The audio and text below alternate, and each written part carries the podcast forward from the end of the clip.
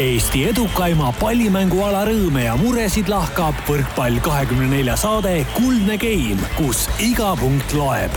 taustajõuna hoiab mängul hoogus ees Kredit kakskümmend neli tere ja kaunist kahekümnendat septembrit ütleme kõigile võrkpallisõpradele Vabaduse puiesteelt Mantamaja stuudiost. sügis on tihti aeg, mis toob uued tuuled.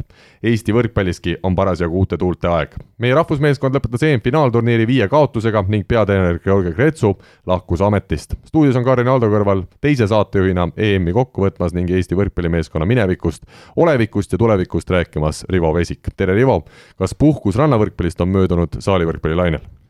Äh, ütlen siis sinule viimase kahe nädala tuttavas keeles Huia Morgen, mis on siis tere hommikust, nagu sa tead. Äh, nüüd tean. Hollandis. Äh, jah, võib öelda nii, et puhkus on möödunud rannavõrkpalli või seda saalivõrkpalli jälgides, samas natuke ka rannavõrkpalli, et ega sealt, sealt ei pääse, aga, aga Eesti koondise mängud kõik vaatasin ilusasti ära ja ja noh, nagu sa ütlesid, on, mida rääkida ja arutada, et aga saatekülalisena ütleme täna tere Eesti koondise nurgaründajale Rauno Tammele, kes on ühenduses kas vist Rakverest telefoni teel. tere, Rauno, ja ütle, kus sa parasjagu oma autoga oled? tere hommikust, jah, olen liikumas Tallinna poole. ja kohe peaksin olema ristis. tuletan meelde, et üheksakümmend või sada kümme, palju sul seal lubatud on, et, et sellest üle ei tohi minna, eks? no mul on kaheksakümmend seitse, jah noh, seda ma ei usu muidugi, Rauno, aga, aga läheme tänase saate juurde. ega see algus muidugi tänasel saatel kõige rõõmsam ei ole, nagu öeldud, EM-finaalturniir on jäänud selja taha ja Eesti sai sealt vaid kaotusi. ole hea nüüd, Rauno, ütle sina, olles selle Eesti koondise liige, kuivõrd suur emotsionaalne virvarr see viimane nädal, alustades siis kaotustest ja lõpetades Gianni lahkumisega sinu enda jaoks on olnud? ma arvan, et ega ta polegi päris kohale jõudnud, et selline uudis, eks ta, eks ta selline oodatud natukene oli, aga eks ta kindlasti kurb on siiani, et, et mina, mina alles seedin kõike seda. kuidas, kuidas Ukraina mängu lõpp, viimase mängu lõpp koondislaste jaoks välja nägi, mida seal pärast mängu tehti ja, ja mida riietusruumis räägiti? no kõige eest ma ei oska rääkida, aga no need, kes me ju väljakul läksime, ikkagi tahtsime ju võita seda mängu ja, ja kogu koondis tahtis võita, et et siin osad mehed ütlesid välja, et neil oli tühitunne sees, jah, mingil määral kindlasti oli, aga aga see ei oleks tohtinud ikkagi seda mängu, mängu kulgu nagu mõjutada, et, et niisugust võistluslikkust oleks võinud ikka olla seal rohkem, jah. aga kuidas just see mängujärgne kõik see, mis äh, Gianniga seoses äh, seal aset leidis, kuidas see kõik oli? eks see, nagu näha oli, väga emotsionaalne, et et sellest kallistusest võis ju midagi välja lugeda ja, ja ja minu, minu jaoks oli väga kurb hetk, et, et üks, üks pikk ja väga-väga hea periood sai läbi. mida Gianni teile seal pärast mängu siis äh, rääkis, kas seal riietusruumis või, või hiljem juba, kui olite tagasi hotelli jõudnud mm,? ega meil kusjuures pikka juttu vist ei olnudki.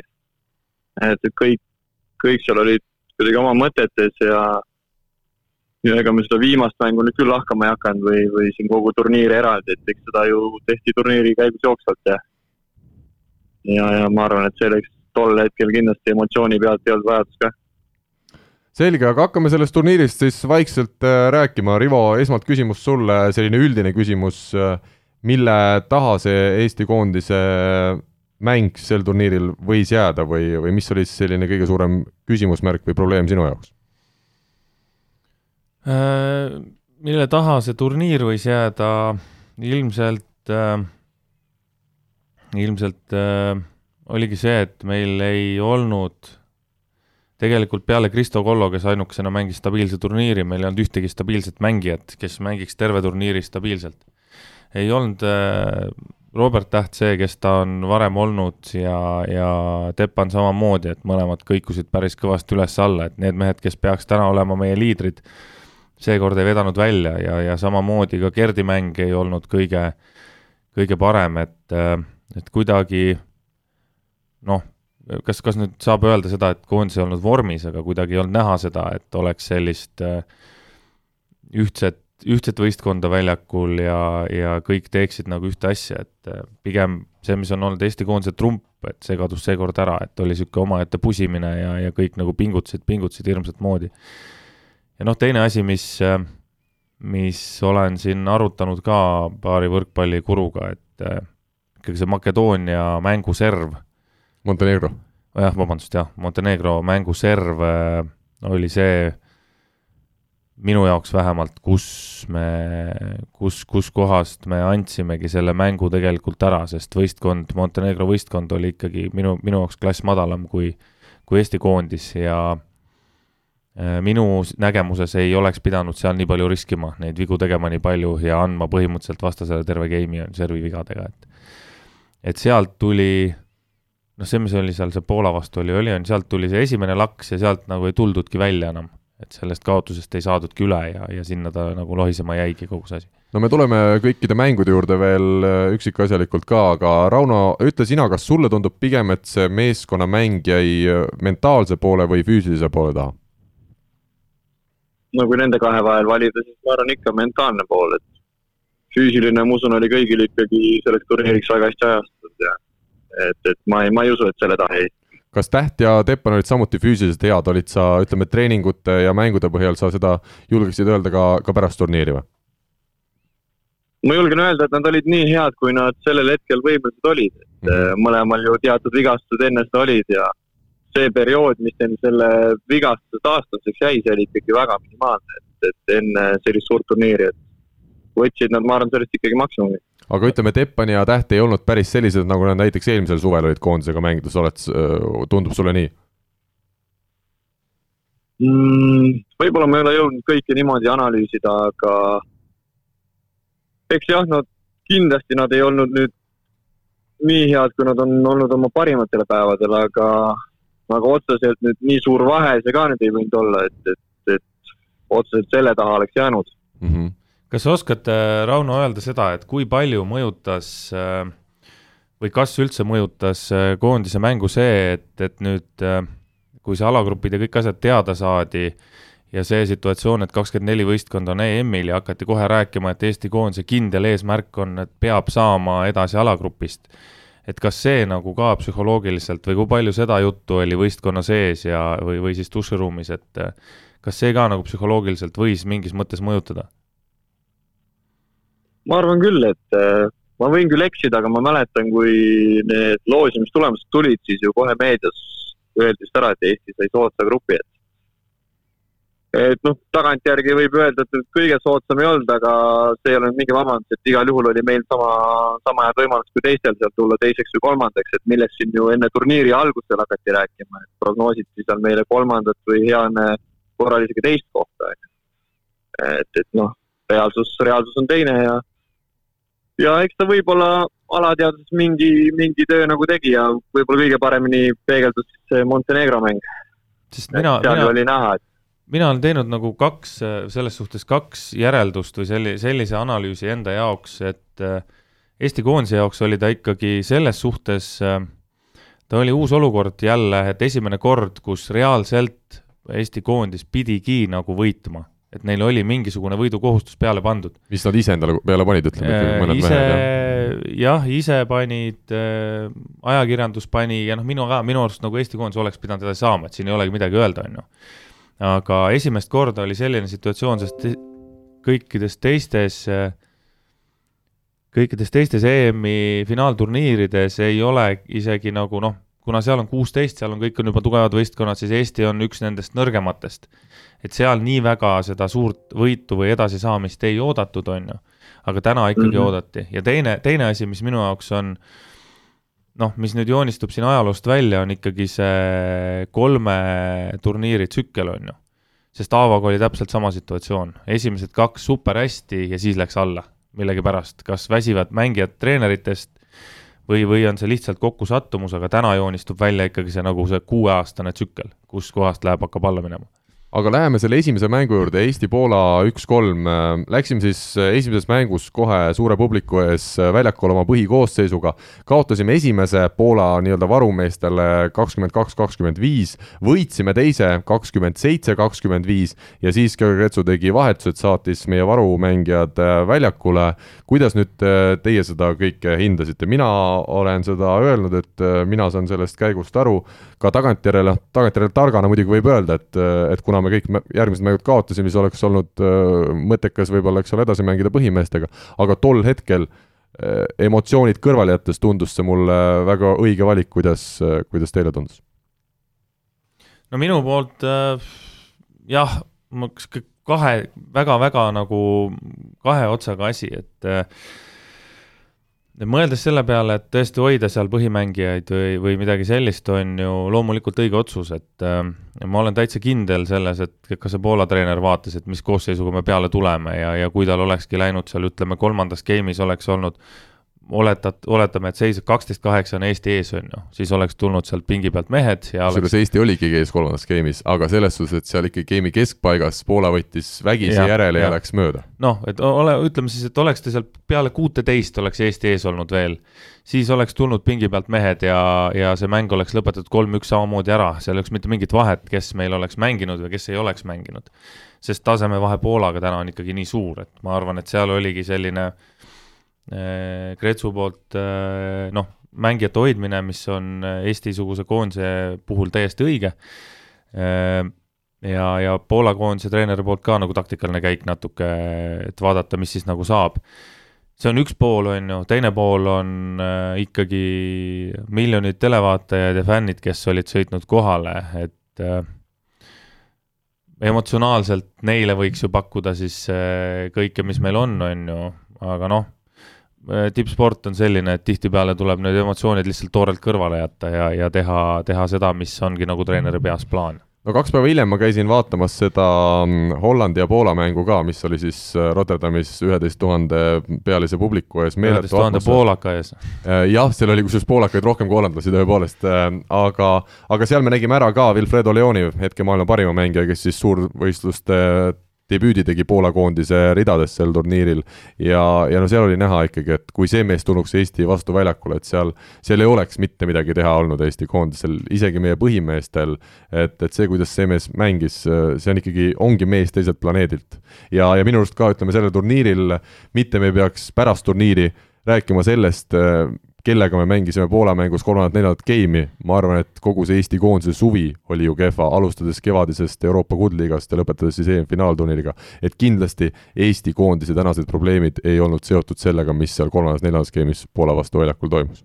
absoluutselt äh,, küsiks Rauno käest ka, et kui palju samamoodi jälle meeskonna sees seda äh, ja kas üldse nagu arutati seda Kretsu käiku või oli see ette teada või, või, või kuidas see nagu vastu võeti, et äh, mängust oli näha, kui Robbie välja tuli, et ta seal natukene ikkagi äh, näitas välja sellist pahameelt, et äh, miks mind välja võeti, aga aga kas see võistkonna sees oli nagu teada selline käik?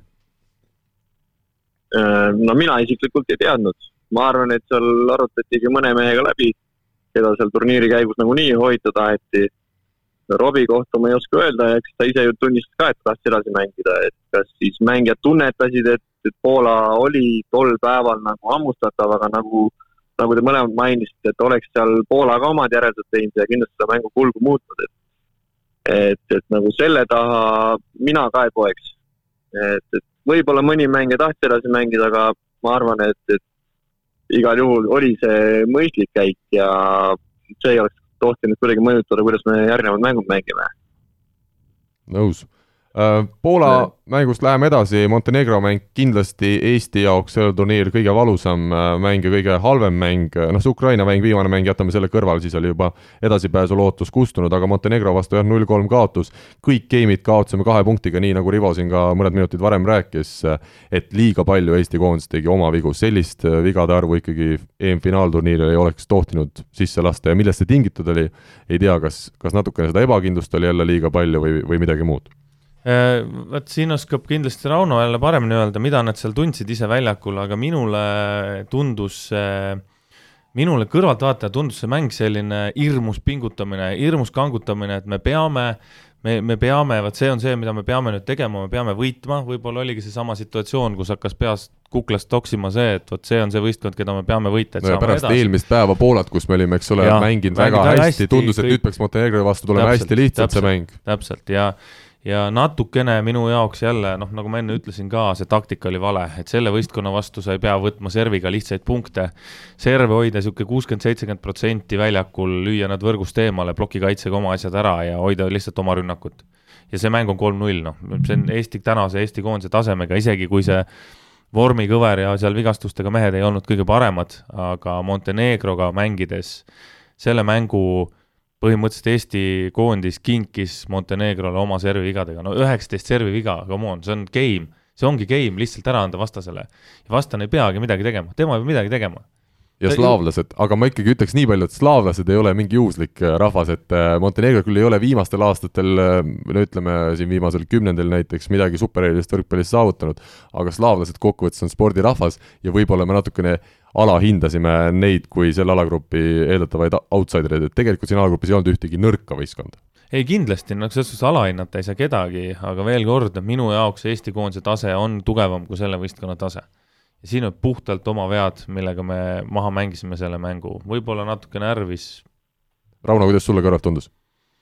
ei no ma nõustun ka Rivoga, et äh, kui ma õigesti mäletan, siis esimene game vist seal pooltel kakskümmendki vastastel oli meil üheksa serviviga ja ikka suutsime juhtida mm. -hmm. et, et seal täiesti müstiline, kuidas me suutsime üldse need game'i lõpud kaotada, oli ju samamoodi Tšehhi vastu, et küll me sinna jõuame, aga kuuest game'ist viis olid ju kahe vahega, mitte ühtegi me võitnud, ainult see Poola vastu, aga aga miks me ka Poola vastu võib-olla nii hästi mängisime, oligi see, et kõik said mängida, kõik said vabalt mängida turniiri algusmänge, et noh, ega ju no ei tea, eks ikka lähed võitma ja loodad, et võidad, aga no Poola vastu mängidki pingevabalt. ja nendel turniiri esimene mäng ja nad ka võtsid ju seda pärast pikka treeningperioodi esimese mänguna, et, et neid ei saa üldse võrrelda kahe mänguga, jah, ütlen ausalt, Montenegro mängu kindlasti oleksime pidanud võitma selle mängu, et seal ei olnudki mingit küsimust, ega nemad ju ka tegelikult mingid, öeldi küll, et tegid hea mängu, noh. Jah, võib-olla enda kohta tegid hea mängu, mingit supermängu ei teinud, et pigem nagu Rivo ütles, me kinkisime seal oma vigadega puhtalt, et kohad, kus meil oli võtta ja kus me tavaliselt võtame, julgen väita, et nad oleksidki jõudnud võib-olla kahekümneni ainult mm. -hmm ei no olekski, ma, see, see on ju täiesti loogiline, et kui sa ütlesidki, et kakskümmend punkti polnud täis ja oli üheksa servi viga, et kui sa võtad sealt. viga, jah. ja te olete ikka ees, on ju, kui sa võtad sealt kasvõi kolm servi viga ära, mis lüüakse üle, siis ma olen kindel, et sellise võistkonna vastu Eesti võtab sealt punkti kaks. Ja, ja ongi kõik, et kui sa teed kahekümne punkti juures üheksa servi viga, see tähendab seda, et vastane iga teine kord ei peagi ründama, ta ei pea mitte midagi tegema selleks, et punkti saada, istub seal, ootab ja, ja läheb ise servima, paneb ise servi üle ja vaatab, mis vastane teeb, on ju. nii on lihtne mängida aga läheme edasi, kolmas mäng Eesti-Tšehhi, nagu Rauno juba mainis, ka see oli siis väga punkt punktis, esimese game'i kaotasime kaheksateist, kakskümmend viis, aga seejärel läks mäng tuliseks. kolmkümmend kaks, kolmkümmend neli teine game ja kakskümmend kuus, kakskümmend kaheksa kolmas game ja Jan Hadrava ja tema võimsad servid äh, olid need, mis mängu ära tegid. Ja ja eks siin natukene tuli ka kogu see turniiri iseloomustus välja just äh, individuaalses plaanis, et vastastel oli selline kindel võimas liider, meil seda sellel turniiril ei olnud, kes just nendel samadel otsustavatel hetkedel need pallid maha lööks. Ja siin ei ole midagi öelda, Hadrava lihtsalt ongi hea mees ja, ja otsustavatel hetkedel head mehed löövadki neid palle sinna piiri peale servides. Mäletan, viimati mina tema vastu rannas mängisin seda kaks-null peksa. Toorelt et äh, aga, aga mees jah, ongi täpselt see asi, mis äh, Karl praegu ütles, et äh, koondisel oli selge, selge siis liider olemas, et kui meie nendel otsustavatel hetkedel otsisime seda meest, kes nüüd võiks ära lüüa, on ju, et kas see on siis nüüd Kollo, Robbie, kas on keegi, Teppan, keegi teine, on ju, siis äh,, siis neil oli kindel mees sinna ja küll sealt tuleb, et kolmest kaks ta lööb ära ja, ja vajutab serve ka otsa veel, et äh, sealt see vahe tuli, noh, jällegi seal Eestil põhimõtteliselt igas mängus on olnud äh, mingisugune situatsioon, kus on hirmus vaidlemine, on ju. ja teine asi, mis mis veel nagu minu jaoks natuke välja tuli sellest turniirist, oli see, et nii kui Eesti koondis hakkas vaidlema, lasi peast natuke ennast ära, tulid kohe vead otsa. põhimõtteliselt noh, iga kord, kui läks vaidluseks, järgmine pall oli vastaste punkt see oli nii Tšehhiga, Hollandiga kui ka selle Montenegroga mängudes oli täpselt neid hetki kus liiga palju läks jutustamiseks ja siis lagunes nagu mingisugune mentaalne asi ära ja anti vastastele punkte. esimene game lõppes, või tähendab, teine game lõppes minu arust täpselt samasuguse situatsiooniga, oli mingi vaieldav hetk. ja kolmas game, noh, sama see pall on ju, legendaarne pall, et oli ta nüüd sees või ei olnud seal. küsisin ka spetsialistide käest, et miks ei ole, miks ei ole samasugust süsteemi nagu on tennises on ju, challenge kes on vaadanud tennisemänge, teab väga hästi, kuidas näidatakse tennise challenge'it, seal tehakse 3D mudel ja võetaksegi, zoom itakse nii sisse, et see palli jälg on reaalselt, on millimeetritega näha piirist, on ju. ja vastuseks sain selle, et noh, see tehnika on natuke teistsugune ja hoopis kallim. aga jube nagu kehva on mõelda, et sa kaotad sellepärast, et hoitakse kokku, on ju, et äh, noh EM peaks olema ikkagi selline turniir, kus äh, selliste asjade pealt kokku ei hoita ja ei tekita, ei teki selliseid situatsioone, on ju. Ja noh, ongi see point ka, et, et Eesti koondisel läks natuke lappama need hetked, kui nad läksid lasid peast ennast minema. aga mis mind nüüd äh, huvitab, Rauno, jälle sina võistkonna sees olles, kas see Tšehhi mäng oli ikkagi äh, kajastus sellest eelmise päeva šokkkaotusest Montenegrole või sa ütleksid, et tegelikult Tšehhi vastu äh, mängisid kaks võrdset meeskonda, nagu tulemused näitavad geimides, siin oli võrdset mängu küll ja lihtsalt tšehhid olid otsustavatel hetkel kindlamad, et kas see eelmise päeva Montenegro kaotus oli seal, mängis suurt rolli või mitte? Mm,. ma olen praegu huviga üldse kuulanud, mida, noh, mida te olete kõrvalt näinud ja, ja no mis siin Rivo rääkis, et, et üs, üsna samasse auku nagu näen asju ka mina, et et ma ütleks, et see mäng oli kindlasti parem kui Montenegro mäng ja, ja noh, neil oligi otsustavatel hetkedel, neil olid liidrid, aga ikkagi me püsisime kuidagi mängus, et, et me ei mänginud terve see turniir mitte ühtegi, ühtegi mängu oma reaalset taset välja, ma arvan seda potentsiaali, mis meil oli, et me välja ei mänginud, aga ikkagi me kuidagi sinna game'i lõppu jõudsime. ja noh, kahjuks ühtegi sealt ära ei suutnud võtta, et et, et eh, ma ei tea, kas kaks võrdset võistkonda mängisid, jällegi minu arvamus, et kui Eesti koondis oleks mänginud oma seda mängu, mis me oleme siin viimastel aastatel mänginud, mis on see võistkondlik mäng ja võimalikult eh, väike vigade arv, et kohtades, kus ei olnud vaja riske võtta, me neid seekord tegime ja võib-olla tundsime, et, et et oleme valmis rohkem otsustama ja läksime neid olukordi lahendama niimoodi, et tahtsime ära otsustada, et, kui me varasemalt kannatasime rohkem nendes kohtades ja, ja saime, saime läbi suure, suure nagu võitu selle punkti, siis nüüd läksime kohe nagu neid asju otsustama ja, ja võib-olla seekord maksis see natukene kätte, et, vastastel läksid ju samamoodi liidrid otsustama ja, ja tookord nad otsustasidki ära, et, et siin väga rohkem midagi vist rääkida ei ole, et, et ju samamoodi game'i lõppudes me jälle olime ka vist seal kahe-kolmega isegi ees, kus tavaliselt ei tohiks enam juttu ollagi, kes selle game'i võidab mm. -hmm aga ole hea, ütle, mida Gianni meestele, ütleme seal Montenegro ja Tšehhi mängus nendel äh, mõtteaegadel äh, rääkis, mida, millal ta nagu tähelepanu juhtis ja mida ta rõhutas? kindlasti ei olnud rahul, et see on ju ilmselge, et, et see ei olnud kindlasti tema tema soov nüüd, et me Montenegro vastu hullult hakkaksime riskima seal serviga, et ja ega see servi vigade arv, mis meil sealt tuli, oli, oli ju suur ja ega see alati ei tulnud ka läbi riski. jah. et, et mingi aeg see ju, oota korra, mingi aeg see ju. nii, Raunol on praegu tehnika, tehnilisi Pol raskusi, aga ei hullu. politsei vist peataski, pani, pani puhuma. selja kätte hakkas siin undama nüüd, tahtis ka turvavööd et. nii, kuulame edasi. kus ma jäin nüüd oma jutuga? et see servi vigade arv Montenegro mängus, et see ei olnud nagu treeneri, treeneri poolt ei, kindlasti ei olnud ja eks siis hakkasimegi, võib-olla hakkasimegi nõudma sellist mängu, et me ei pea nii palju riskima ja läbi selle meil tuli neid vigu ikkagi edasi. et, et samamoodi oli, ma arvan, see Tšehhi mängus läbi terve selle turniiri ja ma ütleks isegi läbi suve meil võib-olla serv oligi kõige problemaatilisem koht, et et sealt see ju kindlus tuleb ka ja sealt andsime endale ebakindlust kindlasti, sul ei ole lihtne mäng. ise võidad punkte ikkagi raskelt ja vastasele annad serviga kohe ära, et aga serv ei ole, oli ka eelmine aasta ja minu arust ka üle-eelmine aasta ei olnud Eesti koondise just kõige tugevam külg, et et see on, see on olnud pikka aega juba probleem, vähemalt minu jaoks. tundub nii jah, et kuidagi kui vaatad sinna, et vastased ju ka riskivad, aga kuidagi neil õnnestub siis paremini või või ma ei oska, ma ei oska nii täpselt öelda, et kuidagi pole, pole see meie relvaks nagu hästi osutunud praegu jah, kuigi võiks olla tegelikult. Aga läheme edasi, esmaspäev ootas siis ees Eestil puhkepäev ja sõit Rotterdamist Amsterdami. Eesti koondis üleüldiselt on selline muhe seltskond, kus visatakse palju nalja, kuidas see esmaspäev, see reisipäev teie jaoks oli, kas meeleolud olid, olid väga maas või üritasid seal mingid mehed ikkagi seda tuju üleval hoida? Mm,? ega siin midagi keerutada ei ole, ma ütlen ausalt, et pärast selle Tšehhi mängu oli ikkagi juba, ma arvan, et kogu Eesti tunnetas seda olukorda, mis reaalselt on ja loomulikult me ju teadsime, et meil lootus on ja kindlasti me läksimegi seda nagu püüdma. aga arvestades, kuidas me mänginud olime, siis äh, jube raske oli loota, et nüüd, nüüd äkki tuleb, et kui kolm mängu nagu ei saanud seda vankrit jooksma, et siis äkki nüüd Hollandi vastu, kes veel kodus ka mängib ja et, et aga lootus sureb viimasena, aga ma mäletan, et pärast mängu, eks meil kõigil oli tegelikult raske, et me ju teadsime, et need kaks mängu, Montenegro, Tšehhi olid, olid mängud, mida me tahtsime tegelikult kindlasti võita ja mida me läksime ikkagi selgelt võitma.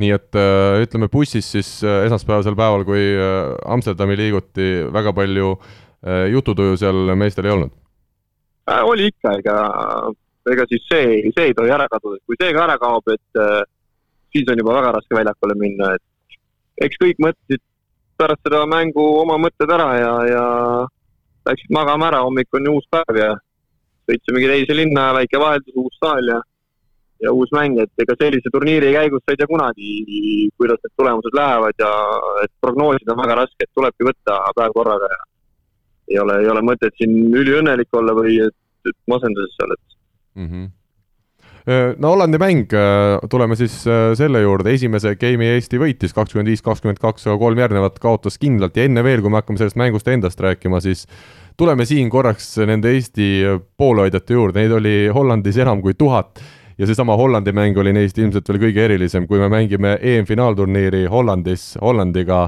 ja publikus on enamus inimestest või enamik inimestest eestlased, siis see oli küll üks, üks eriline saavutus omaette, loomulikult ta näitab ühtpidi ka seda või teistpidi ka seda, et Hollandis ja üldse Kesk-Euroopas võrkpall enamikes riikides väga suur spordiala pealtvaatajate osas ei ole, aga Eesti koondise poolhoidjate saavutust see mitte kuidagi ei, ei vähenda, Rauno, kuidas seal saalis äh, endale tundus äh, kogu see melu, kui, kui näha oli, et meie poolhoidjad on hoopis rohkem?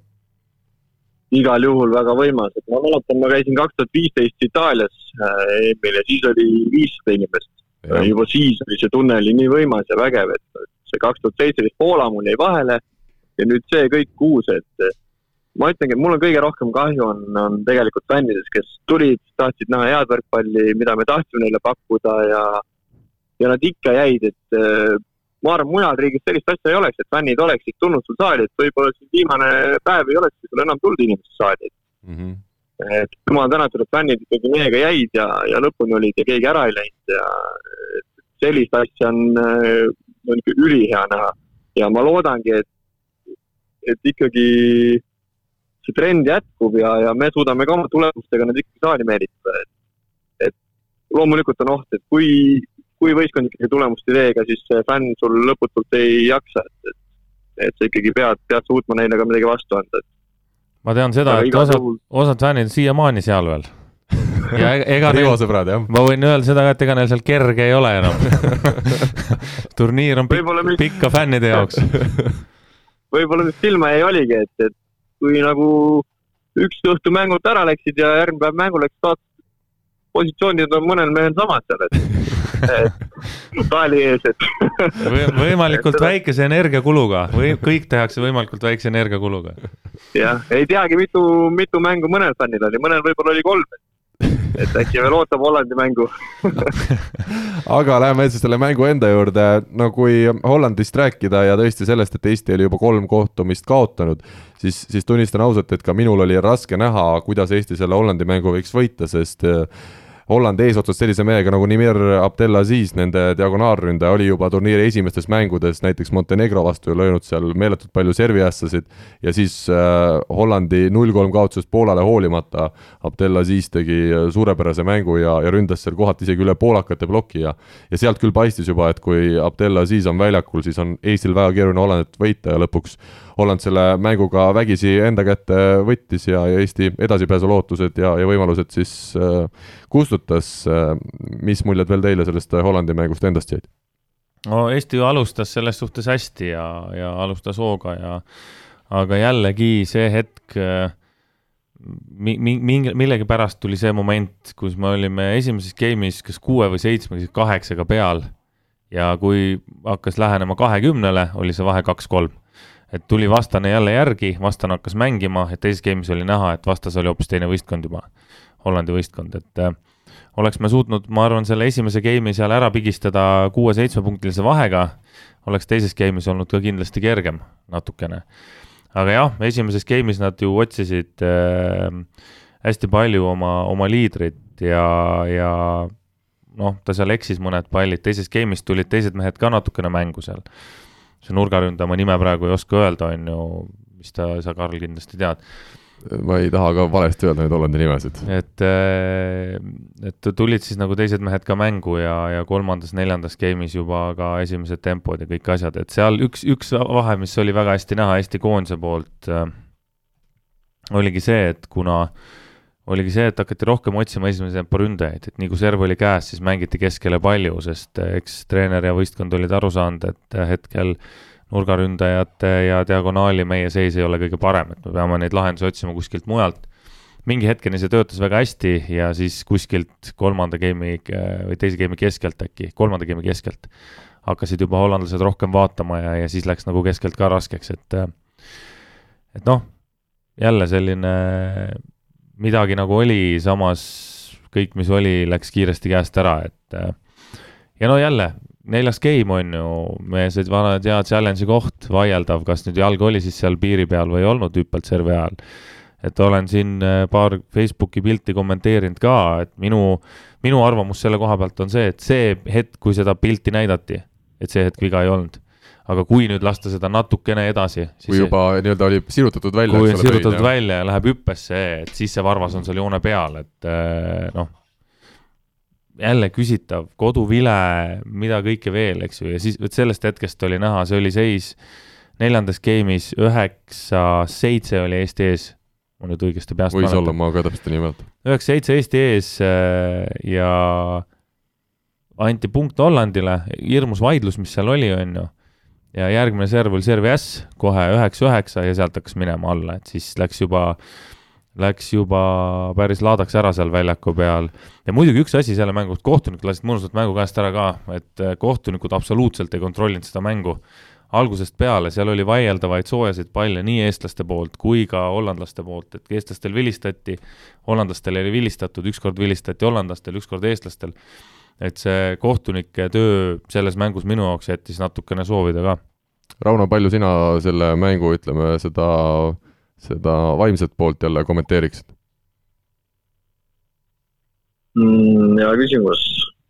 noh, tegelikult alustasime jah, oli ju näha väga hästi, et olimegi viisteist seitse ees ja kuidagi natuke see game'i lõpp läks kangemaks, aga, aga see esimese game'i peaaegu lõpuni välja ikkagi oli juba päris meie mängu moodi, tundus, et kõik nagu jooksis ja siis juba tuleb igalt poolt punkte mm. -hmm. et kui me mäng läheb ilusti voolama, siis, siis ongi lihtne mängida, ongi, ega vastasel on ka raske, kui, kui me saime igast asendist punkte ja, ja oli rohkem õnne ja et aga jah, nagu Rivo ütles ka, et kuidagi see turniir oli jah nii, et kui me kusagilt hakkasime vaidlema, siis alati oli see meie kahjuks kuidagi, et me ei suutnud keskenduda järgmise punkti peale. et läks sealt üks ja võib-olla isegi kaks, et, et noh, need olid valusad punktid, et nagu see jah, seal joone viga võis olla või mitte, aga see kindlasti mängu saatust ei otsustanud, et, et kõik, kõik oli seal ikkagi meil enda teha ja naljaga, naljaga pooleks ütlesime küll, et enne mängu võib nüüd järgmine kord need sussininnad püsti keerata, vaata siis joone viga ei ole yeah. aga jah, nali naljaks, et ega need challenge'id ja kõik muu, muu sinna otsa või see, et kuidas seal kohtunikud, ega see lõpuks ikkagi meid mängima ei, ma ei pane, et kellelegi küll etteheiteid ei ole, aga lihtsalt jah, kuidagi see turniir vist läks meil see lumepalliefekt seal kuidagi üsna alguses juba käima, et mm -hmm. kui ei saanud jooksma, ei saanudki jooksma, et, et üksikuid häid hetki oli muidugi ja, ja oli ilusaid hetki, et aga, aga nendest ei piisanud, et et võib-olla oligi hea märk oli see, et me suutsime ikkagi ka mitte kõige parema mänguga jõuda, jõuda vastastele lähedale ja isegi ju mingid mängud seal vastupidi mängida, et viis-kuus punkti olime taga ja suutsime järgi võtta, et, et, et ma arvan, iseloomustabki märksõna niisugune eba, ebastabiilne oli natukene see mäng meil aga viimasest Ukraina mängust ma arvan, pikemalt ei ole mõtet rääkida, Eesti koondis mängis juba varumeestega, samal ajal kui Ukraina mängis veel edasipääsu eest ja, ja vajas seda võitu väga, Ukraina võitis kolm-null. küll aga küsis, küsiksin Rauno sinu käest, et äh, mis tunne oli siis Euroopa meistrivõistluste finaalturniiril väljakul olla, see on ilmselt hoopis midagi muud kui, kui need äh, mängud klubi eest, mida, mida siin Eestis oled teinud? jaa, kindlasti, aga seal on jällegi vahe vaata, et, et mis olukorras sinna väljakule tulla ja mis olukorras seal väljakul olla, et et, et Poola vastu oli väga hea tulla, Ukraina vastu samuti no loomulikult see suur turniir ja tahad ju mängida, see on ju selge, aga aga on ka vahe, et kuidas sa selle mänguaja teenid, on ju, et kas võistkond mängib hästi või, või kui kasulik sa seal võistkonnal oled, et, antud olukorras oli see, et, olidki mehed, kes pidid selle mängu võimalikult hästi ära mängima ja noh, ega seal ju jällegi, nagu sa ise ütlesid, ega pikemalt rääkida midagi pole. -hmm. keegi sinna kaotama kindlasti läinud. Mehed, kes ju väljakul läksid, kõik nagunii tahtsid mängida ja kes oleksid sinna tulnud, kõik oleksid tahtnud samamoodi mängida. et aga no kindlasti alateadvuses seal vaimselt kõige lihtsam ei olnud muidugi mängida. ega, aga see ei, see ei võta ära seda tunnet, et kui, kui hea tunne on olla sellisel turniiril väljakul, jah aga enne veel, kui sellele saate esimesele osale joone alla tõmbame, üks huvitav äh, tsitaat siis Gert Toobalilt, kes pärast seda kaotust Hollandile ütles järgnevad sõnad, ma loen selle tsitaadi siin ka ühe lõigu osas ette meil on mõned mängijad, kes nõuavad iseendalt rohkem, on närvilised, vihastavad rohkem. ja siis on liiga palju neid mehi, kellel pole üldse emotsioone. Nad on vaiksed, vahet pole, kas nad mängivad hästi või halvasti, teevad lollusi või mitte, nad lihtsalt on. ja need käärid on mängijate vahel nii suured, et sünergia ei toimi. varem oli asi võib-olla rohkem tasakaalus, see on tore teooria muidugi, aga olen selle peale ise lihtsalt palju mõelnud, seda siis Gert Toobal ütles ja see oli minu arust ka Eesti meedias sellest äh, kahekümne viie minutilisest mängujärgsest intervjuust äh, võeti see nagu lõik välja, et et see oli miski, mis võib-olla aitas natukene leida vastust sellele, mis Eesti koondisel tänasel päeval on, on teistmoodi, kui oli varem, et see, seesama sünergia mängijate vahel ei, ei paista toimuvat, et, et tõesti, kui me vaatame Teppanite tähte, need mehed elavad ja põlevad seal väljakul ja siis on kõrval sellised pigem pigem tüüpilised eestlased, kes äh, teevad rahus oma asja ära ja, ja peoks kuskil, äh, poeks kuskile peitu võib-olla pärast, et, et võib-olla need käärid tõesti on liiga suured, kuidas teile tundub? oota, aga mis siis enne on olnud, kes, kes need enne on olnud sellised, seal on täpselt samasugused mehed kõrval. võib-olla Oliver Venno näiteks oli, eks ole, pikka no, aega, kes Teppani asemel Oliver Venno, nad ühtemoodi sellised, nagu nad on ei või? ei, minu arust no, on täiesti erinevad. ei no Oliver on ka, noh, hea küll, okei okay,, Oliver ei, ei põe oma vigasid nii palju ja ei mõtle nii palju, on ju aga minu arust on täiesti erinevad inimesed, ma ei, mis mõttes nad sarnased on, ma küsiks nii, peale selle, et nad on diagonaalründajad? ei, ei noh, kui, kui räägid, kas siis Oliver on see rahulik või ta on see mees, kes on rahulik, Max Rahulik. ei no jaa, ma saan aru. ei ole või? minu arust ka mitte, minu arust väljakul ta kui... näitab emotsiooni ja möllab ja naerab ja teeb seal asju küll ju nii, Rauno, kuulame. võitleb, võitleb ja elab ikka ei, võitlevad kõik, see, sellest ma ei. kindlasti, aga, aga no nägid ju, ma vaatasin tal neid klubimängijaid, et ei, ei, et no võtab seda vastutust, teab samamoodi, et tuim, tuim vend selle teha ei saaks, et üks, ükski võistkonna nii-öelda juht, juhtmängija ei saa olla nii tuim, et noh, kindlasti mõni mängija on tuimem, aga ma ei ütleks ka, et no ma mõtlen seda, pigem ma pean silmas seda, et ta on, äh, temal ei ole, tal ei ole seda nagu pinget peale endale pandud, et ta mängib nii nagu läheb ja läheb nagu läheb, läheb hästi, on hea, läheb halvasti, elab ka edasi. Teppan on samas selline, et nagu ka siin teised ütlesid, et ta võttis endale selle vastutuse, et tema peab nüüd sellel turniiril tegema ja kui ei tee, siis on, siis on maailma lõpp ja tegelikult noh. olgu, Oliver, ühesõnaga see ei põe nii palju, on ju, sellega ma olen jumala nõus, aga kas siis kas me jõuame nüüd siis sellega sinna, et kui oleks olnud Oliver Venno, et siis oleks olnud nagu parem see on täpselt see, mis sa praegu ütlesid, Karl,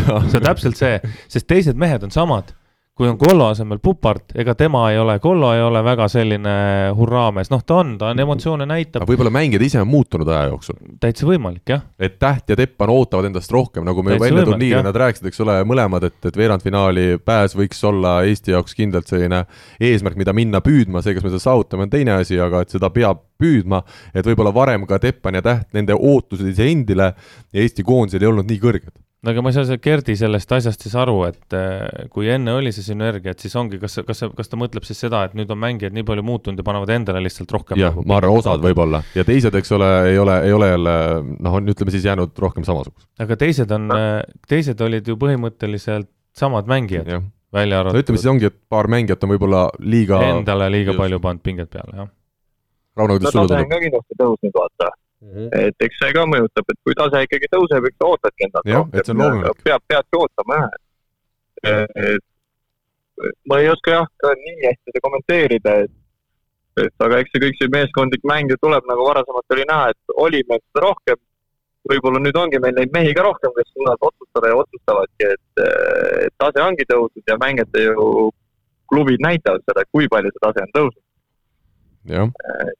Võib-olla kui varasemalt oligi, võib-olla tõesti oli koondis veel selles mõttes ühtlasem, et, et see tase on ühtlasem, siis nüüd ikkagi mõne, mõne mängija tase ikkagi on, on kõvem jah nojah, et me vaatame, meil on, eks ole, täht on Perugias maailma absoluutne tippklubi, kui mitte noh, täiesti parim klubi.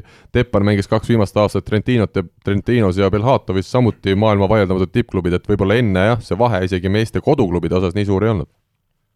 No täpselt ja, ja ju see ka, mis rolli sa seal klubi juures mängid, et päris paljud ikkagi vahetavad, kui sul see klubi tase tõuseb, koormus tõuseb, et, et samamoodi igaüks peab omamoodi kohanema, et kuidas koondises seda kõike kasutada, et kas sa oled oma klubis liider, kas sa ei ole, palju sa mänguaega saad, et see kõik mõjutab samamoodi suve. et kui, kui ikkagi tase tõuseb, siis, siis noh, see käib kõik koos ja alati ta ei, ta ei pruugigi nii hästi kokku mängida nagu, nagu varasemalt või, või või kuidas nüüd öelda, et nagu jah, Gert ütleski, et kunagi, kunagi ei tea, et et seekord, seekord natukene oli niimoodi, jah jah, kui sa nii ütled, äh, Rauno, siis tõesti selles suhtes kõlab ju loogiliselt, et kui, mida kõrgemale sa klubi tasandil, klubi tasandil jõuad, seda rohkem sa ilmselt ka nõuad endalt koondisest, et äh, ja, ja võib-olla noh, panedki peale endale selle mõtte, et nüüd mina olen see mees, kes peaks tegema, on ju. ja kui välja ei tule, siis, äh, siis on raske tõesti, jah. Aga aeg jookseb peale, mehed. ma arvan, et teeme siit vahepeal küsimusmängu ära ja siis läheme saate teise osa juurde. Küsimusmängu toetaja on teamshield.com oma disainiga spordi ja vaba aja riided eelmise nädala küsimus oli siis järgmine. Martti Juhkami on tulnud Eesti meistriks kahel korral, korra Tallinna Selveri ja korra Tartu Pereleiva ridades. ja meie küsisime siis nelja rakverelast, kellega koos Juhkami Eesti meistriks aastatel kaks tuhat kaksteist ja kaks tuhat kolmteist krooniti ja õiged vastused, äh, Rauno Tamme, sina oled samast kandist äh, pärit, äh, tead sa neid nelja nime? no minu jaoks oli üsna lihtne jah, et ma kuulsin seda saadet kuulasin, siis jah, ma, ma panin selle pildi kohe kokku. nii, ja mis see pilt on siis? no Selveris olid siis äh, Roonad Järv, Reimo Rannar ja ja, ja Tartus olid siis Elia Lulla ja Rainer Vassiljev treenerina. just, see väike konks oligi siis see, et me küsisime nelja inimest ja see neljas inimene oli siis just peatreener Tartu toonane Rainer Vassiljev, nii et äh, Rauno Tamme võiks siin vabalt lisada meie õigete vastajate nimekirja, aga seda me seekord ei tee. et Team Shieldi võrkpalli kahekümne nelja erisärgi loosis osaleda, selleks me palusime siis vähemalt kahte nime öelda ja vähemalt kahte nime teadsid äh, meil kakskümmend kuus inimest, Rauno, ole hea, ütle ühest kahekümne kuueni üks number kaheksateist. Kaheksa ossa, nii suur number ja palju Heiki õnne. Kiiskinen. ei ole, Heiki kusjuures pakkus nelja nime, kõik olid valed, aga ta tegi just natuke naljaga. aga number kaheksateist on äh, Tallinna Selveri endine sidemängija ja Rauno Tamme endine meeskonnakaaslane Tauno Lipp. nii et palju õnne, Tauno Lipp saab meie erisärgi ja, ja Rivo lubas siis välja panna eri, eraldi veel pooleteisttunnise mänguaja Teras äh, Beachi hallis koos saunakülastuse ja ja veel palju muu toredaga kindlasti ja neid, kes siis teadsid kõik neli nime, oli kaheksateist. nii et äh, Rivo, eestlased on tark rahvas ja ütle nüüd sina, Rivo, ühest kaheksateistkümneni üks number. Äh, mina ütlen number kaks number kaks, Renar Tupits on meil võitnud siis äh, selle toreda mõnusa treeningaja terases ja et, et see aeg siis ka vormistada reaalsuseks, selleks, selleks tuleb võtta Rivoga otseühendust, see on, see on veel omaette boonusauhind, eks ole. ja, ja Rakvere mees võitis.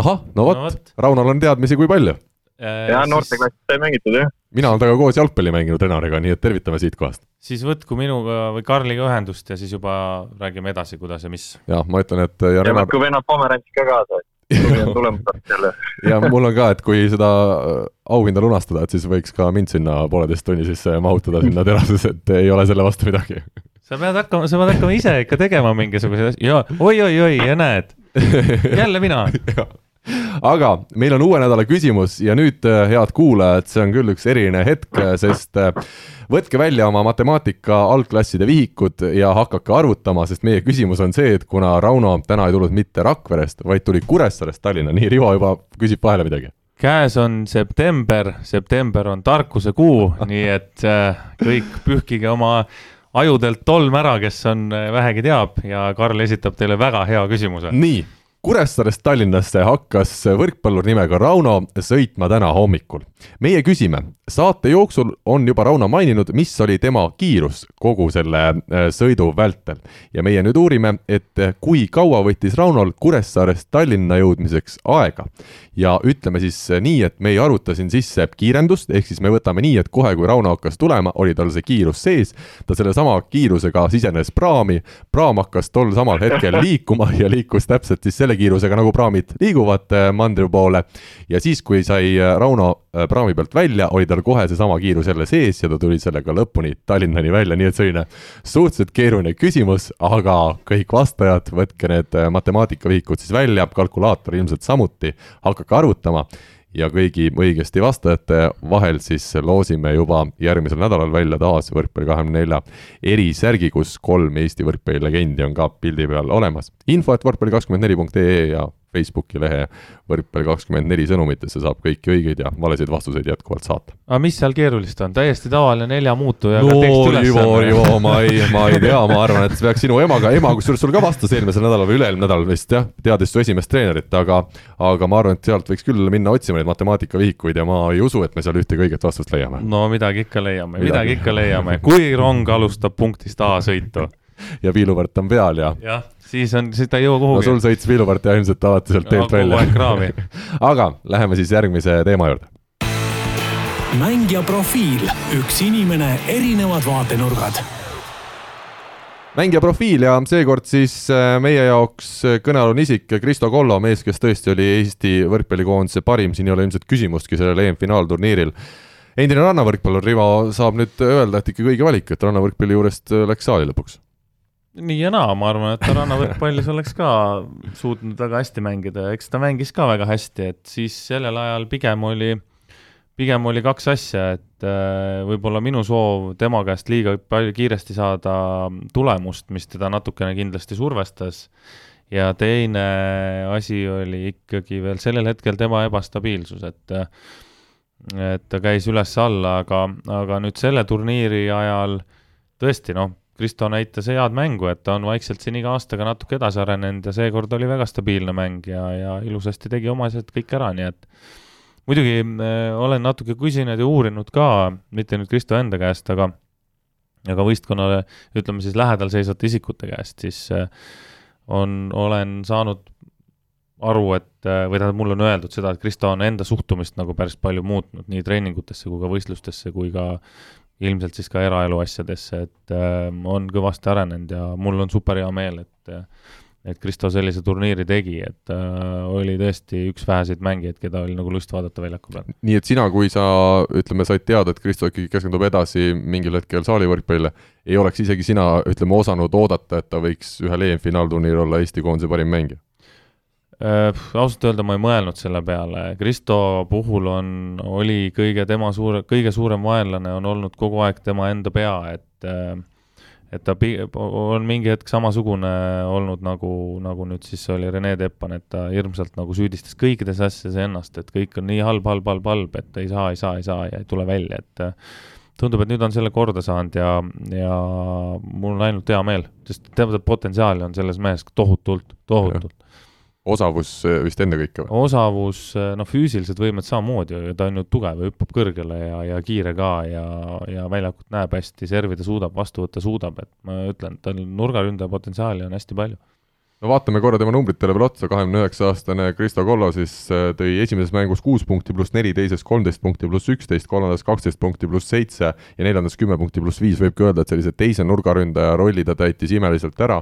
Äh, loomulikult ei olnud tema, teda valvamas vastastel päris selline plokk nagu Teppanit või Tähte, ta saigi natuke vabamalt ja rohkem tihti siis ühese ploki vastu rünnata, aga turniiri edenes ikkagi üha paremini, ta lahendas ka neid äh, raskeid palle nii-öelda ära ja ja tõesti kinnitas, et, äh, et kui siin turniiri eel oli palju vaidlustest, kes peaks algkoosseisus olema, siis lõppkokkuvõttes kujunes välja nii, et Kollo oli seal vaata et üks kindlamaid mehi, kes seal algkoosseisus pidigi olema. No Kollo põhimõtteliselt oligi, vahetati teisi seal, et äh, mul on super hea meel Kristo üle, et noh, see kakskümmend üheksa, ma millegipärast arvasin, et ta on palju noorem, aga aga oh. noh, et siis peabki olema juba, mõistus peab natuke peas olema ja, ja eks nüüd on äh, selline mitte nüüd viimane aeg, aga, aga tippliigadesse saamiseks niisugune kõige mõnusam aeg, et ma arvan, peale seda hooaega ta, ta kindlasti läheb kuskile mujale, et äh, kui ta teeb samasuguse saalihooaja, siis, siis pannakse talle kohe silm peale ja uuel hooajal siis meistrite liiga klubis Galatis äh, Rumeenia esiklubis mängimas ja loodetavasti ka meistrite liiga finaal,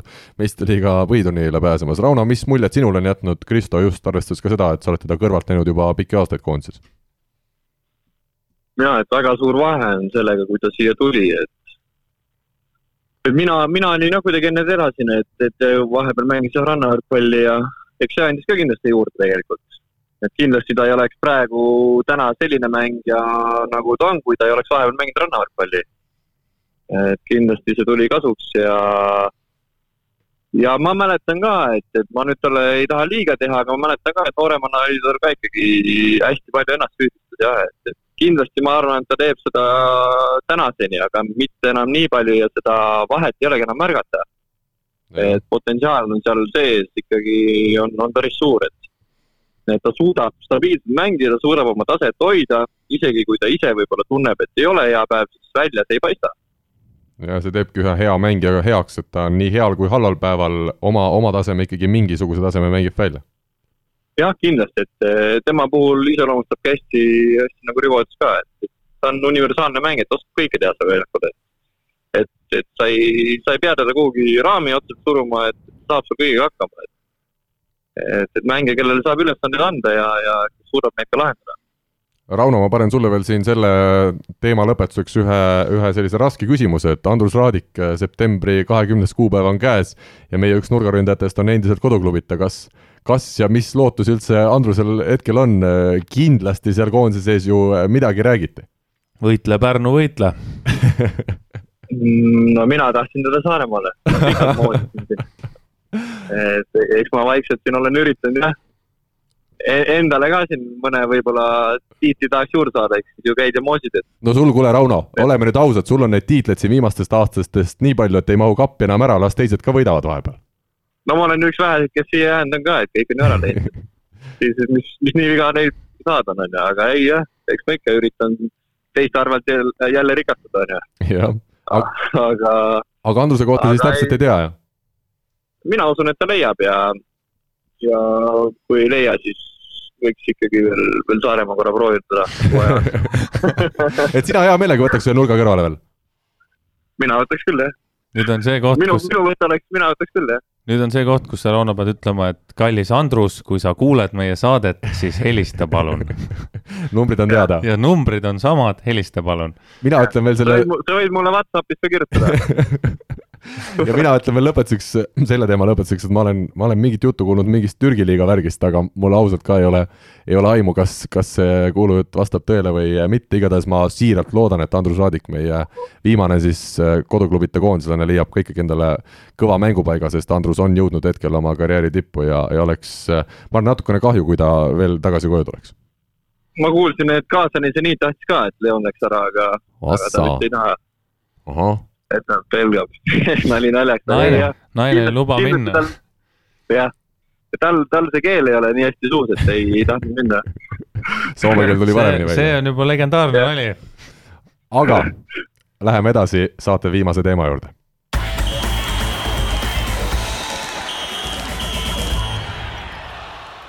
no viimane osa on ikkagi seotud sellega, et Georgi Kretsu siis Eesti koondise ja peatreenerina ei jätka, seda ta ütles eilsel pressikonverentsil Tallinnas ja, ja ütles siis ka seda, et see otsus tegelikult oli tehtud varem, see oli tehtud juba eelmise aasta suvel Portugalis pärast äh, FIVB Challenger Cupi.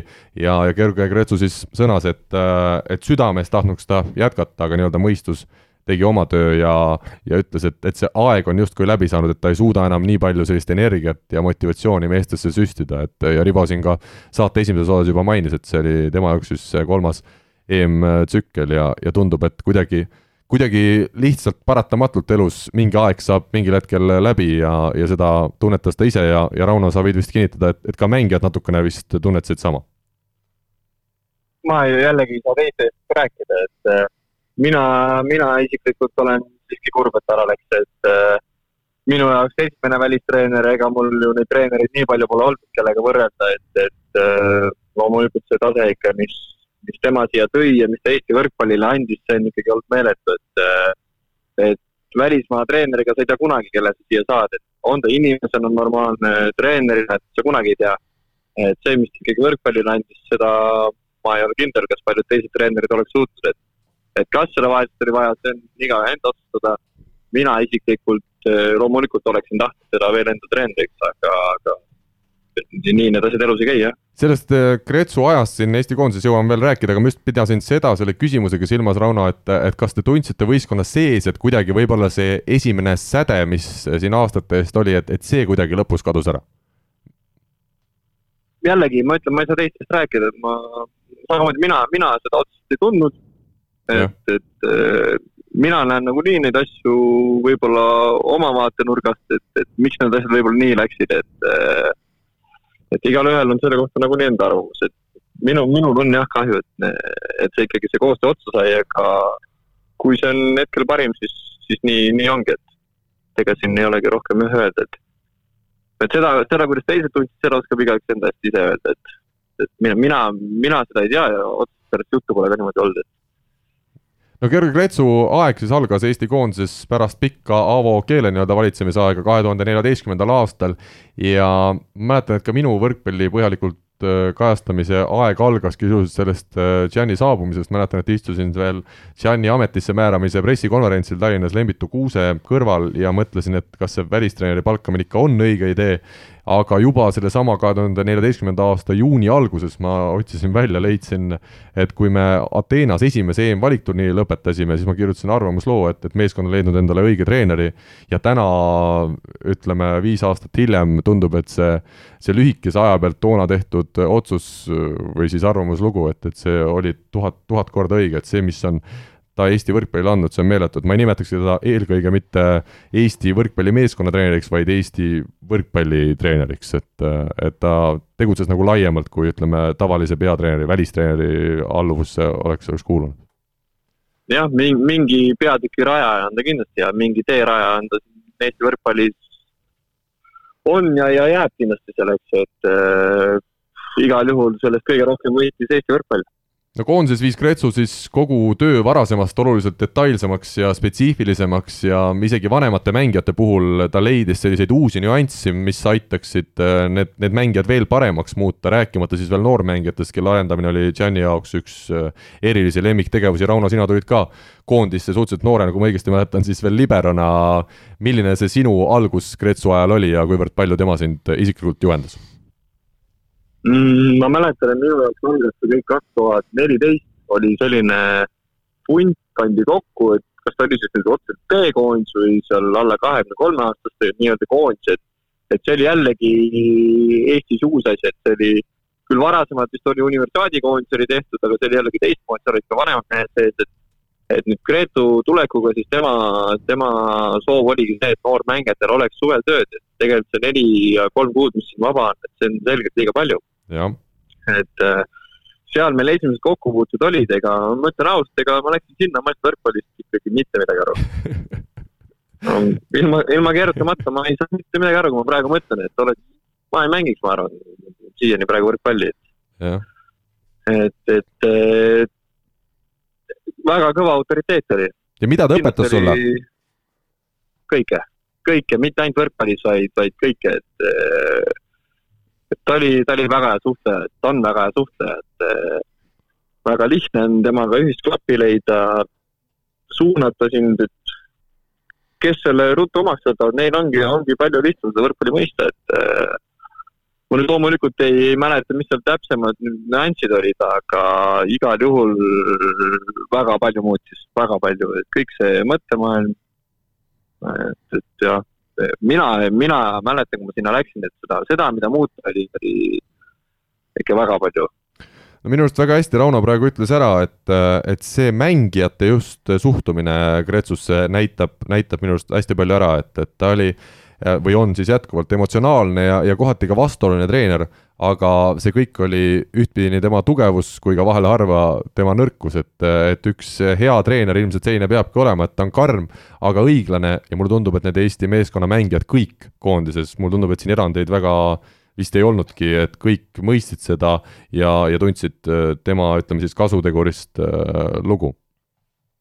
jaa, kindlasti, et ega ma kunagi ei osanud arvata, et ma Eesti koondise jõuan, et, et see tase on ju olnud ka varasemalt tugev siin Raius, nii-öelda kuldajastu ja ja, ja ega mina ei unistanud kunagi sellest, et tegin vaikselt nii hästi kui sain ja, ja tuligi selline treener, kes võib-olla märkas tugevusi, mida ma võin võistkonnale juurde anda, et siis nii-öelda sellist teist rolli mängides, et et, et võib-olla keegi teine siin seda märganud ei oleks ja ei, tea, kas seda tulevikus märkab, et et koos tema minekuga on paratamatult oli, oli ka mina, mina olin puhtalt ainult tänu, tänu temale, et seda ma võin julgelt väita. kuidas sulle, Rivo, kogenud võrkpalliinimesena Kreetsu kõrvalt mulje jättis?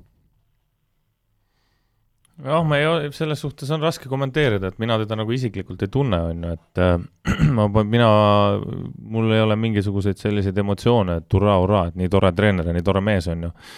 mina vaatan täiesti äh, sellise pilguga kui, kui teine treener nagu teist treenerit, et äh, selleks, et tema asjadest aru saada, sa pead temaga suhtlema.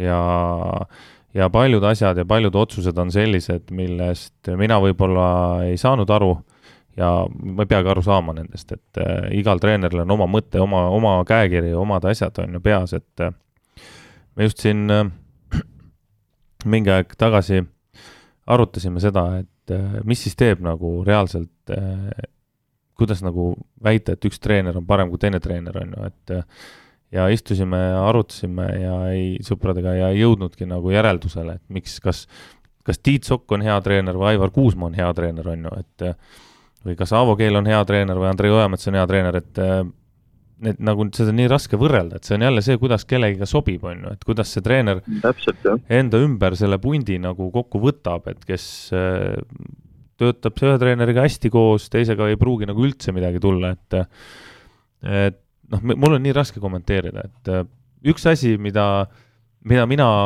võib-olla isiklikult oleks võinud soovitada, et noh, mingeid otsuseid oleks võinud nagu seletada inimestele. sest vastused, kui küsida, aga miks sa nii tegid, no see on ju kõigile selge, on ju, sest tegelikult ei ole, et paljud inimesed ei saa, eriti vaatajad, nad ei saagi sellest aru. no see ongi see emotsionaalsuse ja iseloomu, eks ole, nõrkus, nõrk pool siis. jah, see on, see on see nagu nõrk pool, mis, mida oleks võinud natukene tema poolt nagu parandada, et reaalselt võrkpalli inimestele siis seletada, et miks ma tegin selle otsuse, sest kõigil oleks seda põnev teada, minul samuti, on ju.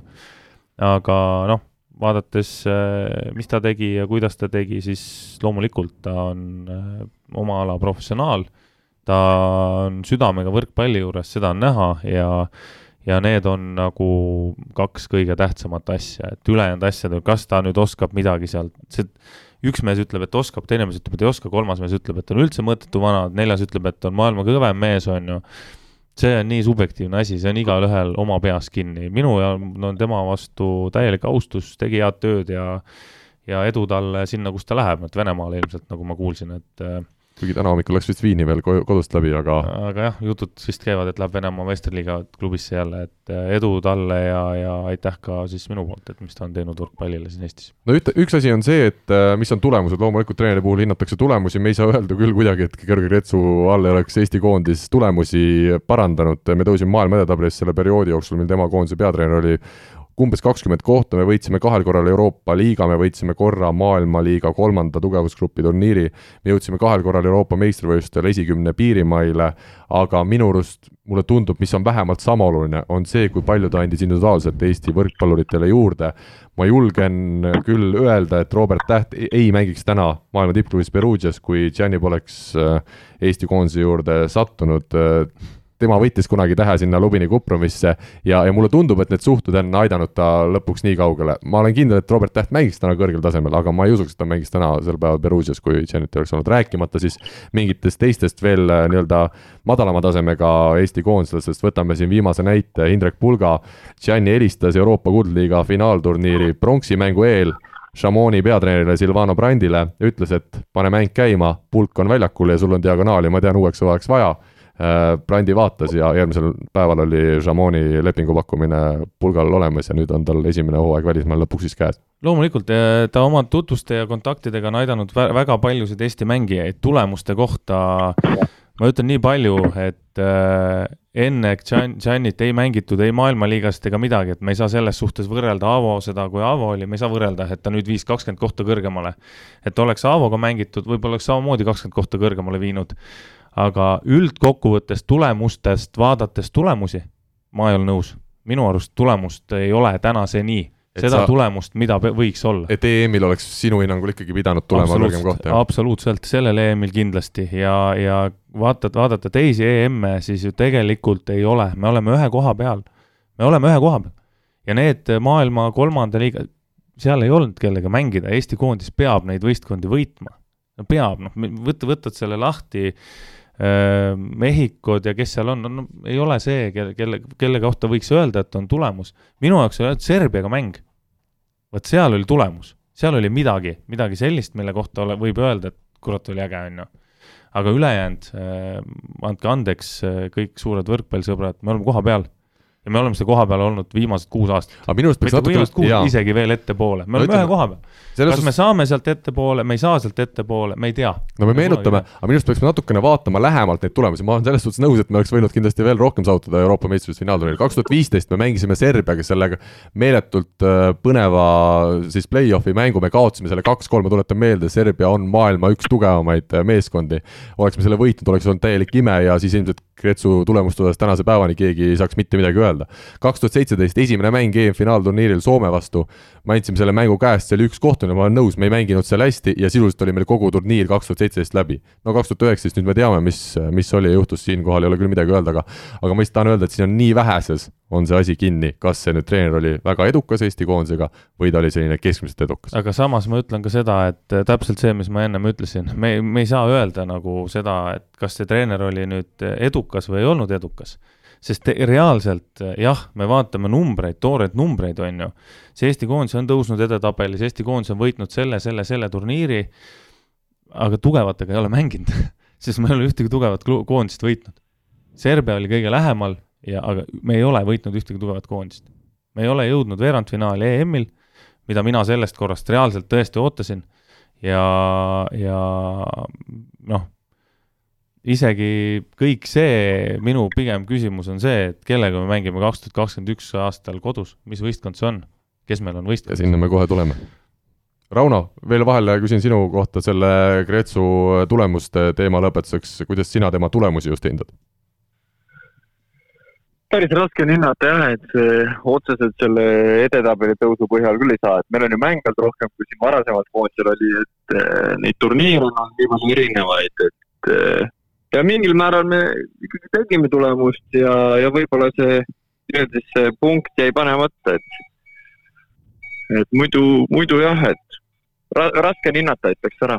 mina, ma mõtleks selle teema sedasi kokku, et äh, nagu sportliku tulemuse poolt ei, ei ole olnud nagu sellist arengut äh, minu jaoks isiklikult, nagu mina ootasin ja lootsin. just, just vaadates seda, seda turniiri, mis nüüd lõppes. jaa, sellega ma olen nõus, jah. aga ülejäänud asjade poolt küll, äh, meeste tehnikad, kõik asjad need, et, äh, et kui paljud on aidanud ikkagi reaalselt, sealt on tulemust kõvasti. et mm, -hmm. et kui me võtame sportliku tulemuse, siis ma ütlen ei ja kui me ütleme, võtame nagu ülejäänud kõik, mis on võrkpallimaailmas, ma ütlen kindlasti jaa, et, et ta on teinud super suure töö, et nagu sa ütlesid ennem ka, et ilmselt tänu temale on, on üsna paljud mehed seal, kus nad täna on, et jaa, aga uuest treenerist võiksime ka rääkida, loomulikult uue treeneri nime veel ei tea, küll aga ütles siis Eesti Võrkpalliliidu president Hanno Pevkur eilsel pressikonverentsil seda, et Eestisse peatreener ei ole tulemas, ma saan aru, ja, ja ausalt öeldes mulle hetkel tundub, et see on ka õige samm, et äh, mina, kes ma üldiselt väga olen nii-öelda, toetan kodumaist äh,, praegu, praegu leian, et võib-olla ei ole seda kõige õigemat äh, treenerit meil Eestist võtta, võib-olla mõne aasta pärast on see treener meil olemas, äh, aga hetkel ma ka ei muretse väga selle pärast, jah, mul on Gianni lahkumisest äh, väga kahju, aga Eesti võrkpallikoondis on tänasel päeval võrkpalliturul nii kõva sõna juba, et meil, meil on täiesti reaalne šanss saada omale uueks peatreeneriks ühe väga tugeva välisklubi treener ja, ja ma arvan, et pole sugugi välistatud, et seda treenerit võiks hakata otsima kuskilt Gianni tuttavate sõprade seast, et ma arvan, et ta võib selleski osas meid natukene aidata. Tšiiba, Nonii, Tšiiba on, on vana sõber, on eestlaste kõige suur sõber. miks ta siin eelmine aasta käis, eks ole? jah, saunas käis mul seal terases ja värki ja eks seal sai nii mõndagi räägida. ei, aga tegelikult, kui nüüd ilma naljata rääkida asjast, siis, siis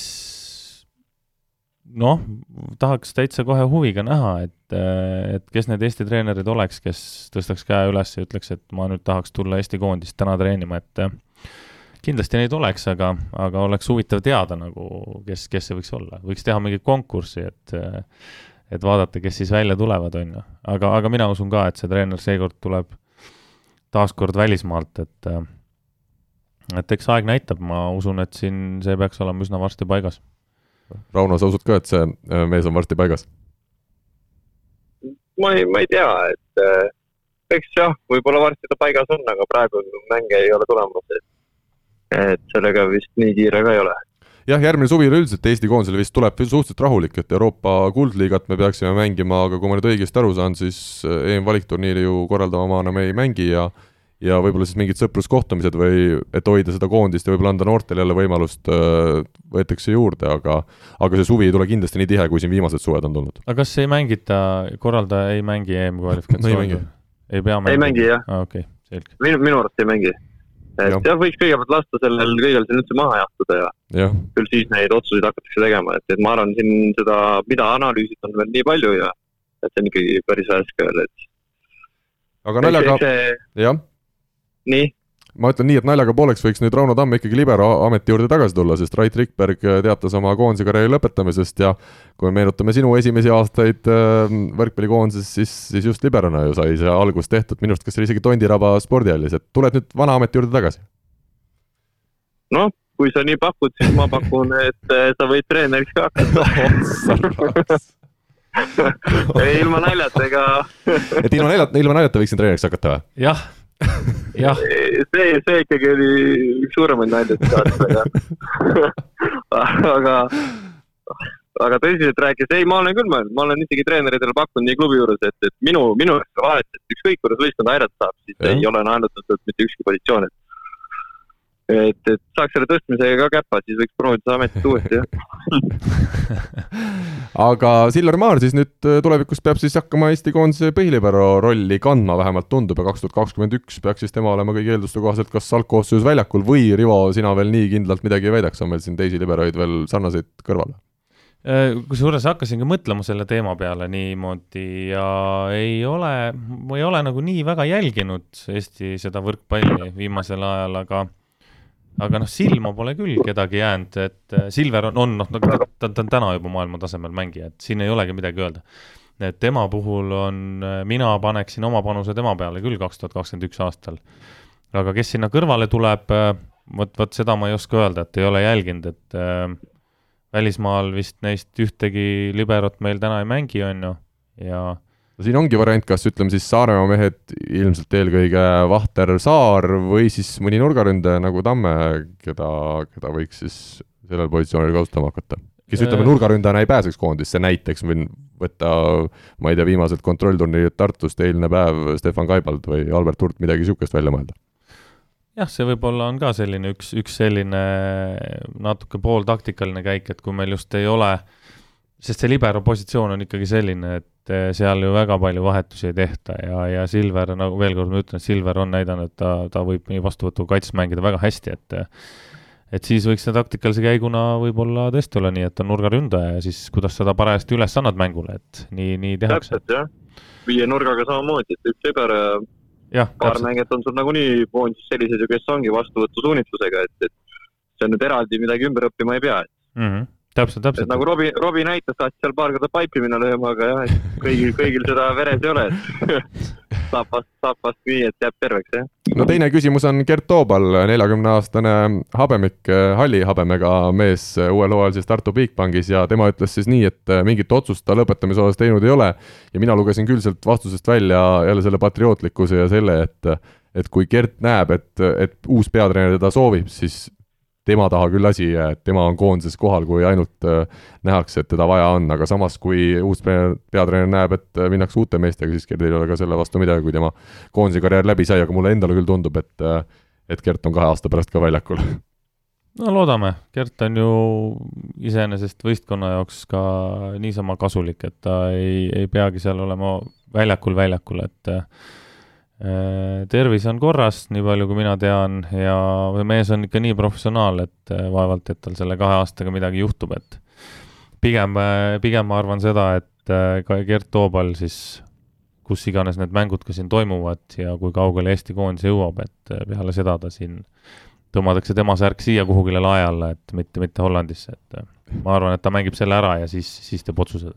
Markus Keel, mis mulje jättis Rivo sulle kui kogenud äh, temporündajale? Markus Keel jättis muide väga hea mulje, nagu väga-väga hea mulje, et äh, näha oli, et pea on paigas ja, ja muidugi seal liigutustega ja, ja natukene kiiruse asjadega tuleb veel lihvida, aga noor poiss ja, ja temaga kahe, kaks aastat korralikult tööd teha, siis siis saab, ähm, saab temast kindlasti ka asja ja, ja noh, ma loodan, et muidugi tal on väga hea, on ju, talle ilmselt ka Saaremaal kuskil muruniites isa ei anna rahu, et viskab vähe palli juurde, et aga jah, Markus, Markus jättis väga hea mulje, polegi nagu ühtegi halba sõna, et ma vähe nägin küll seda viimast mängu, kus ta nüüd enamus mängis, aga aga oli okei. Okay.. oled nõus Rauno Rivo kõrvaltvaataja hinnanguga? jaa, ei ta on küll tubli, et ma ei mäleta ka nüüd, millal ta täpselt koondise tuli, et et ma mäletan, et ma tegelikult esialgu tundsin, et see oli üsna üllatus, kui ta võeti. Ja, ja, ja vist, vist ta ju tegelikult eh, esialgu pääseski sinna, kas siis, kui Andres sai vigastada äkki. ja aga ta on sinna gruppi väga hästi sisse tulnud ja minu jaoks on olnud väga üllatus, positiivne üllatus, et eh, ma arvasin, et ta võib isegi kohati olla ebastabiilsem, aga on, on tõestanud vastupidist ja nüüd on tal ju tegelikult päris hea klubi isegi tulevaks hooajaks, et. Asti Lindemann, see on Belgia vist kolmas klubi peaks olema. ja seal on väga hea võimalus silma jääda, et, et iga, igal juhul, äh, kes meil sidemängijatest ega rohkem ei olegi vist ju. no Rauno, sina. Viiber, Viiber, Viiber on, nemad kahekesi on ju ainsad, kes ju välismaal mängivadki. jah et, et nemad, nemad, eks peavadki meie, meie koondise tulevik olema, et sidemängijate osas, see on, see on ju kindel no ma, ma olen kindel, et kui vaja, siis Ronni tuleb, teeb ka ära. ikka. sutsu. kaksikute kõrvalt. kaksikute kõrvalt jah, võtab nädala vabaks ja, ja tuleb, teeb ära aga Rauno, küsimus veel sulle, kas Markus, kellel nüüd närve üldse ei ole, et vaadates neid, kuidas ta ikkagi servima tuleb, äh, kas või see Poola mäng ja mitu ässa ta seal lõi kahes esimeses game'is, et et kuidagi tal äh, mingid asjad on nagu kuskilt saamata jäänud, et, et äh, täiesti külm, külma rahuga lööb ja. No seda peab jah isa käest küsima, et mis ta kaasa andis täpselt samas, samas jällegi siin natukene pareeriks sinu arvamust, järgmistes kahes mängus ta tuli ja pani keset võrku need pallid, et mingisugused närvid tal ikkagi peavad olema. või ei ole nii kirunud veel? suva juba. Teine, teine, jah, kusjuures äh, Raunol on äh, võib-olla täitsa õigus, et tal ei ole üldse mingeid närve, et on nagu täiesti ükskõik. Läheb, kuidas läheb igatahes äh, saate lõpetuseks ma annan veel, annan veel Raunole ühe raske küsimuse. Tartus on siis kontrollturniir, sinu koduklubi Saaremaa seal ka osalemas. Äh, oled sa kohal ja mängid ka?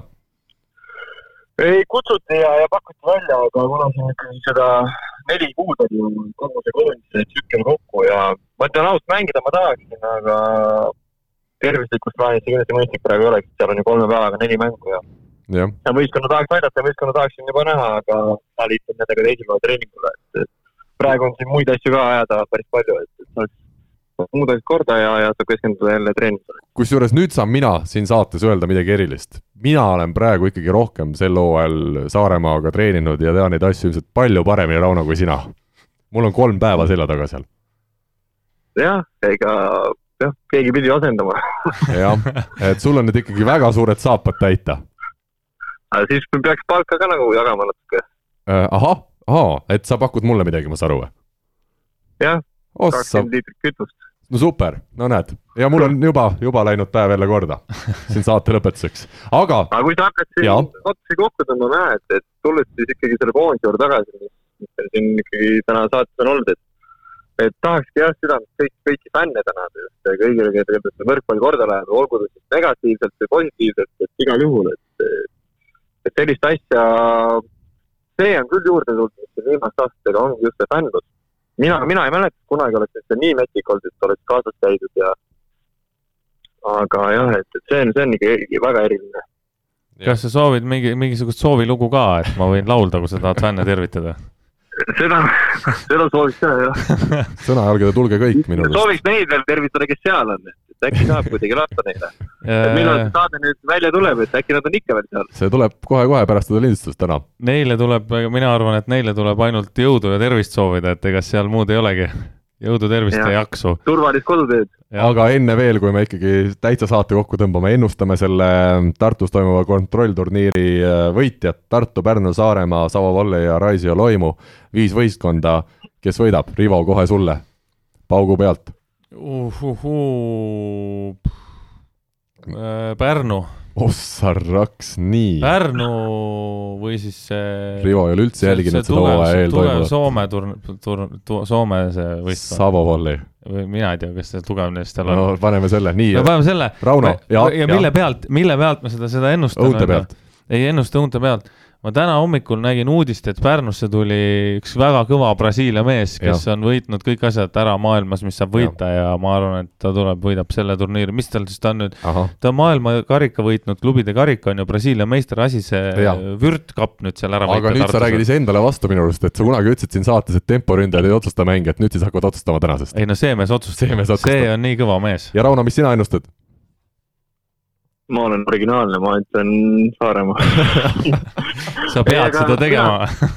jah, mul on see lepingus kirjas. muidu on miinus kakskümmend aga- liitrit bensiini kohe. jah, Karlile. aga ei, no mina, mina sellest turniirist mingeid järeldusi kindlasti ei teeks, et eh, vabandused hakkavad juba ette tulema, jah? jah, ma vabandan ka ära. eelmine aasta. Pärnu võitis, on ju, jah, nii. ei, ma ei, ma ei tea, kas see turniir, kas me üldse käisime seal. ei, Pärnu Pärnu. Pärnu võitis eelmine aasta turniiri, ma käisin seal Nii. vaatamas. Gutmani nad võitsid küll ja ma mäletan, kusjuures nad seal olid ikkagi väga võimsad, siis ma mõtlesin et ohoh, no ja ju liiga algas neil ju vist üldse ühe punktiga. Lätist, et aga lõpuks olid ikka meistrid. ega siis see ju, lõpuks olid ikka meistrid, jah. see ei loe, kui kiiresti sa stardist ära lähed, see, kes esimesena finišis on, see on esimene. Äh, ja Nad läksid kiiresti stardist ära ja jõudsid ikkagi esimesest finishisse ka, et vahepeal ootasid järgi teisi. mina teen nüüd aga sellise pakkumise, et kõigi Eesti lülita välja see saade, paneme ei, kinni, aitab et. Eesti klubidega suuteid säilitada, ma ütlen hoopis, et Savo võidab ja Raisio on teine, et siis, siis äh, Jah. ma ei ütle muud midagi.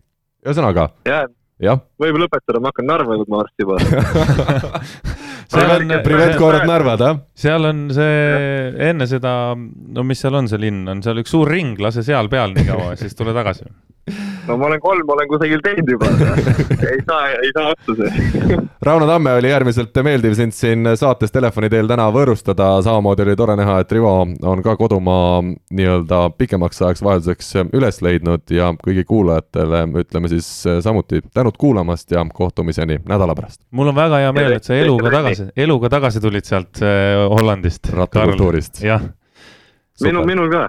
kõik väga on hea., ma olen ise ka rahul, et tagasi tulin, olgu, nägemiseni. tšau kõigile. ja aitäh, tšau. Eesti kõige põnevamad podcastid on Delfis, kuula tasku.delfi.ee